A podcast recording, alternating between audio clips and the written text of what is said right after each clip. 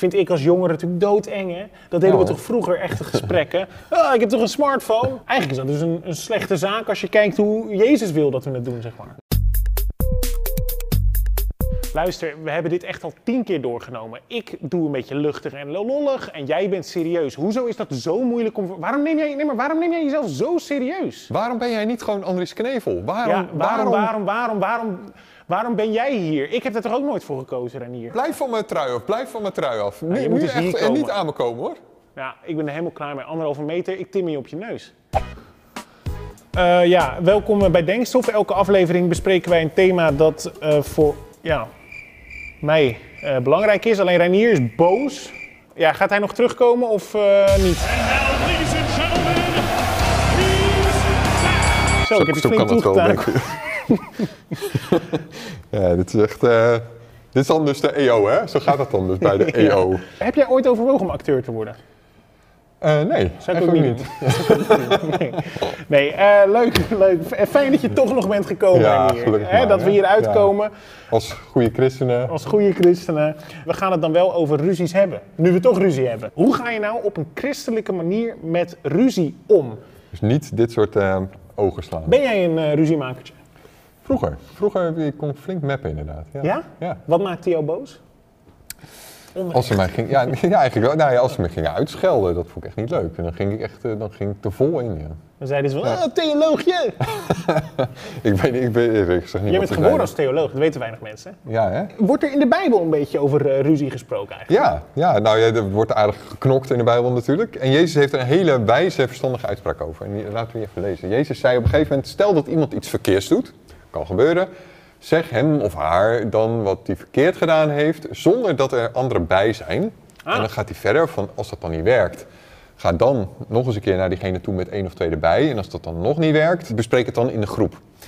En dat vind ik eigenlijk heel verstandig, omdat het heel erg gaat over één op één contact, dus elkaar aankijken. En we weten uit onderzoek dat dat ontzettend veel milder maakt. Dus je gewoon iemand aankijkt in plaats van online. tatatatata. Want we doen meestal het omgekeerde tegenwoordig. Hè? Dus meestal gaan we, we vinden iemand irritant, wat we ook van iemand vinden. En we gooien het eigenlijk gelijk in een groep en dan het liefst ook anoniem. en dan gaan we iemand shamen en dan gaan we er van alles van vinden. En dit gaat dus precies andersom. Dus Jezus zegt van ja, pak het nou eerst gewoon één op één aan. Dus zonder allemaal mensen erbij te halen, maar ga gewoon serieus met iemand in gesprek. Dat kan naar zijn, want je gaat wel degelijk iets over iemand zeggen dat hij iets verkeerd doet. Maar goed, dan kan je het nog een keer proberen met iemand erbij. Als het nog niet werkt, dan bespreek je het in een groep. Ja, dus ga die confrontatie aan. Oké, Ja. dus maak het goed. Dat zal Ja. ik dan na de uitzending ook doen met jou. Ja, Want eindelijk, Het is niet ja. chic wat er allemaal gebeurd is. Nee. Maar ruzie maken sowieso. Is dat iets wat, wat past bij... Want Jezus is liefde, hè? Past dat wel bij ons als christen? Nou ja, ik denk dat eh, God boosheid heeft gemaakt. Het is een soort emotie om onrecht aan te pakken. En ruzie is soms ook heel goed om de situatie beter te maken. Dat is soms gewoon nodig. Je ziet het Jezus zelf regelmatig. Je ziet hem flink de spanning opvoeren. Dus, Ja, had hij vaak ruzie? Nou ja, het zijn in geval allerlei vormen van conflicten wat hij doet. Dus je ziet hem op een gegeven moment in de tempel reinigen. Nou ja, dat is geen, eh, dat is geen pretje. Niet met schoonmaakmiddel, tempelreinigen. Nee, maar nee, echt, precies. eh, Dus e- echt de hele kuddes met eh, dieren eruit jagen. Je ziet op een gegeven moment eh, een groep mensen hypocrieten noemen, schijnheiligen. Op een gegeven moment zegt hij tegen een groep mensen... Ja, jullie zijn net als graven. Het ziet er van buiten mooi uit, maar van binnen zijn jullie dood. Nou, dat is, Wauw. dat is best wel een beetje een battle, zal ik maar zeggen. Ja. Dat is stevige taal. Wat ik er wel echt inspirerend en tof aan vind... is dat Jezus dat dus niet... Jij zit niet online te trollen, zal ik maar zeggen. Weet Nee. je wel? Dus hij zegt niet eh, op een afstandje van... blablabla, ik vind van alles van jou. Maar het is één op één. Hij kijkt die mensen aan tegen wie hij dit zegt. Dus hij draagt ook zelf de consequenties op dat moment. En het loopt inderdaad uit de hand. Dus een van de consequenties is... Hij, hij krijgt de doodstraf. Voordat hij de waarheid zegt en onrecht aankaart. Dus waar het dan denk ik om gaat, is dat soms is ruzie helpt om de wereld eh, eh, een beetje mooier te maken. Dat kan in elk geval de intentie zijn. Je gaat de druk opvoeren om in elk geval de dingen te veranderen.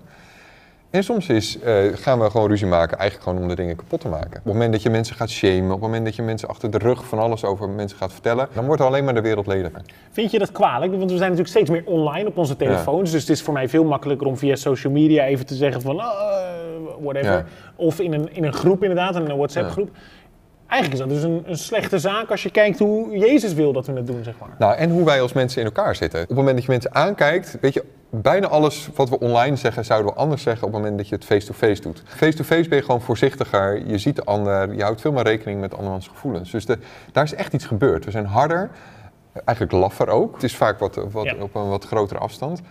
En weet je wel, heel vaak lijkt verontwaardiging te gaan over de ander. Dus dan lijkt het net alsof je doet alsof de wereld er beter van wordt. Maar eigenlijk ben je dan gewoon bezig om eh, jezelf te profileren. Om een beetje stoer over te komen ten opzichte van vrienden. Ja. En dat is gewoon, ja, dat is niet cool. Want je maakt er alleen maar dingen kapot mee.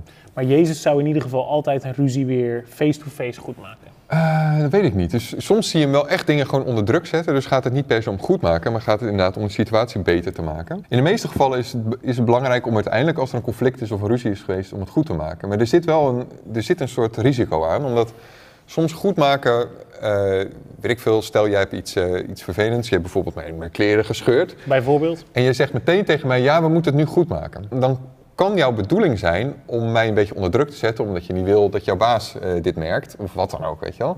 Dus dan bedoel je het om iets weg te moffelen. Dus dan gaat het helemaal niet eh, over mij, maar dan gaat het om dat jij een beetje bang bent. Hoe goed maken wel kan werken, is dat ik zelf tegen jou zou zeggen, omdat ik de hele tijd maar boos op jou ben, of omdat ik de hele tijd maar loop te schelden in mijn hoofd. Iedereen kent dat wel, hè? Dat je, en dat kost ontzettend veel energie. Het, het is gewoon niet Ah man, wakker liggen omdat je boos over iemand ben- iemand bent, dat wil je op een gegeven moment niet meer. En dan is iemand vergeven, is gewoon heel fijn. Dat bevrijdt jou zelf van die woede. Ja, want we denken vaak, volgens mij, dat vergeven voor de ander is. Van, hé, hey, eh, ik- kijk eens wat ik voor jou doe, Ja. ik vergeef jou. Ja. Maar nee, je doet dat voor jezelf. Ja, ik denk dat daar het begint. En natuurlijk zal het jou ook wel helpen op het moment dat ik tegen je zeg van nou, ik vergeef je dat je mij een blauw oog hebt geslagen. Maar begin daar niet, omdat je heel snel in een soort machtsspelletje komt waarbij jij zeg maar precies. mij onder druk zet, omdat je eigenlijk bang bent voor je baas of wat dan ook. Ja, maar dat absoluut. Ik ben doodsbang. Ja, maar laten wij eens kijken of wij de enige hier in de studio zijn die eh, Ja. ruzie hebben. Dus even checken wat de jongeren ervan denken. Maak jij wel eens ruzie? Niet zo vaak. Nee? Nee. Ja, ik maak wel eens ruzie. Wat was de laatste keer eh, dat je ruzie had? Ehm, het was een situatie dat ik niet echt een hele goede vriendin was geweest. Ik vond van niet. En zij vond dat ik daarin moest verbeteren. En toen kregen we de ruzie over. misschien toch wel thuis dat ik met mijn ouders ergens over had dat ze de wifi dan eraf wouden halen in de avond. En daar waren ik en mijn broertje het eigenlijk helemaal niet mee eens. Dus toen zijn we wel boos geworden. En wat heb je toen gedaan? Ik ben eigenlijk gewoon boos naar mijn kamer gegaan. Maar wel stampend, toch? Om een, Standpunt. om een statement te maken wel. Ja, en dan doe ik de deur hard dicht en dan wordt mijn moeder boos. Classic. Zeker. Ja, toen was ik een beetje boos dat eh, mijn broertje en mijn vader niet op mijn verjaardag kwamen. Als ik boos ben en dan met mensen ga praten, wordt het misschien alleen maar erger. Ik probeer gewoon wel ehm, gewoon netjes te praten. Maar wel duidelijk en boos natuurlijk aan te geven wat ik vind. En dan verder kijken wat we willen doen. Willen we ehm, hier aan werken samen? Of zeggen we van zand erover en we kijken er niet meer naar? Vind je dat het eigenlijk wel kan, ruzie maken als christen? Ja, wij hebben ook gewoon emoties en wij worden ook gewoon gekwetst. Ja, ik denk dat conflict is gewoon iets heel menselijks. Nou, ik denk dat dat wel kan. Maar ik denk wel dat we als christen verschillend om moeten gaan met ruzies. Hoe dan? Er gewoon echt over praten en gewoon nadenken over wat je zegt, wat de consequenties zijn van je woorden. En eh, toch dat stukje liefde van God ook in de ruzies verwerken. Nu heb je soms mensen die, die krijgen ruzie, terwijl ze toch nog heel lang met elkaar in dezelfde ruimte moeten zijn. Wat is jouw tip? Ik denk dat je dat gewoon moet bespreken. Dat is echt de enige oplossing. Je kunt elkaar niet negeren of zo. Als twee volwassen mannen in dit geval. Ja. Moet je uitpraten. Ja. Dankjewel. Ik voel me slecht na deze jongeren, want Ze zijn, zijn heel zo verstandig, hè? verstandig. Ja, ja. Ongelooflijk. Ja.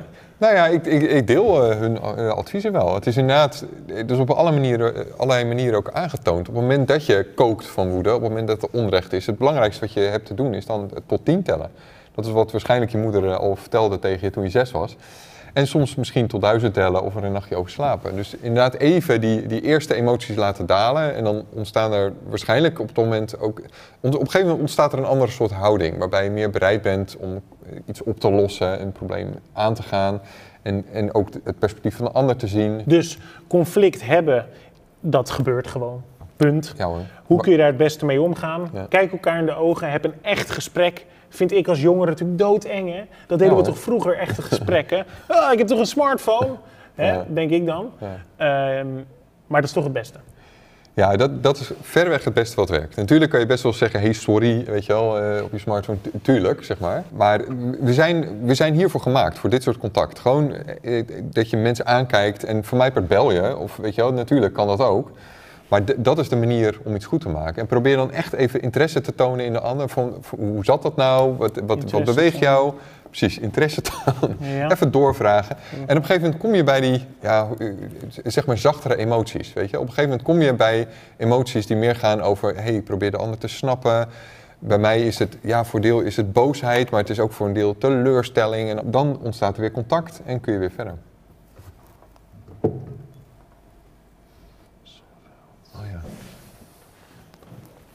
Eén moment hoor.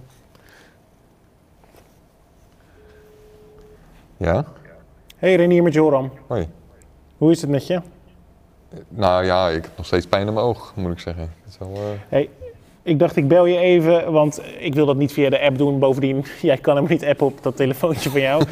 Ehm, maar het spijt me wel echt van eh, die ruzie. ja? En eh, ik wil gewoon zeggen van, eh, ik probeerde jou gewoon te begrijpen en dat is toen mislukt. En toen heb ik je per ongeluk geslagen. Want ik wou je net eigenlijk gaan shamen op internet, dus ik wou net even...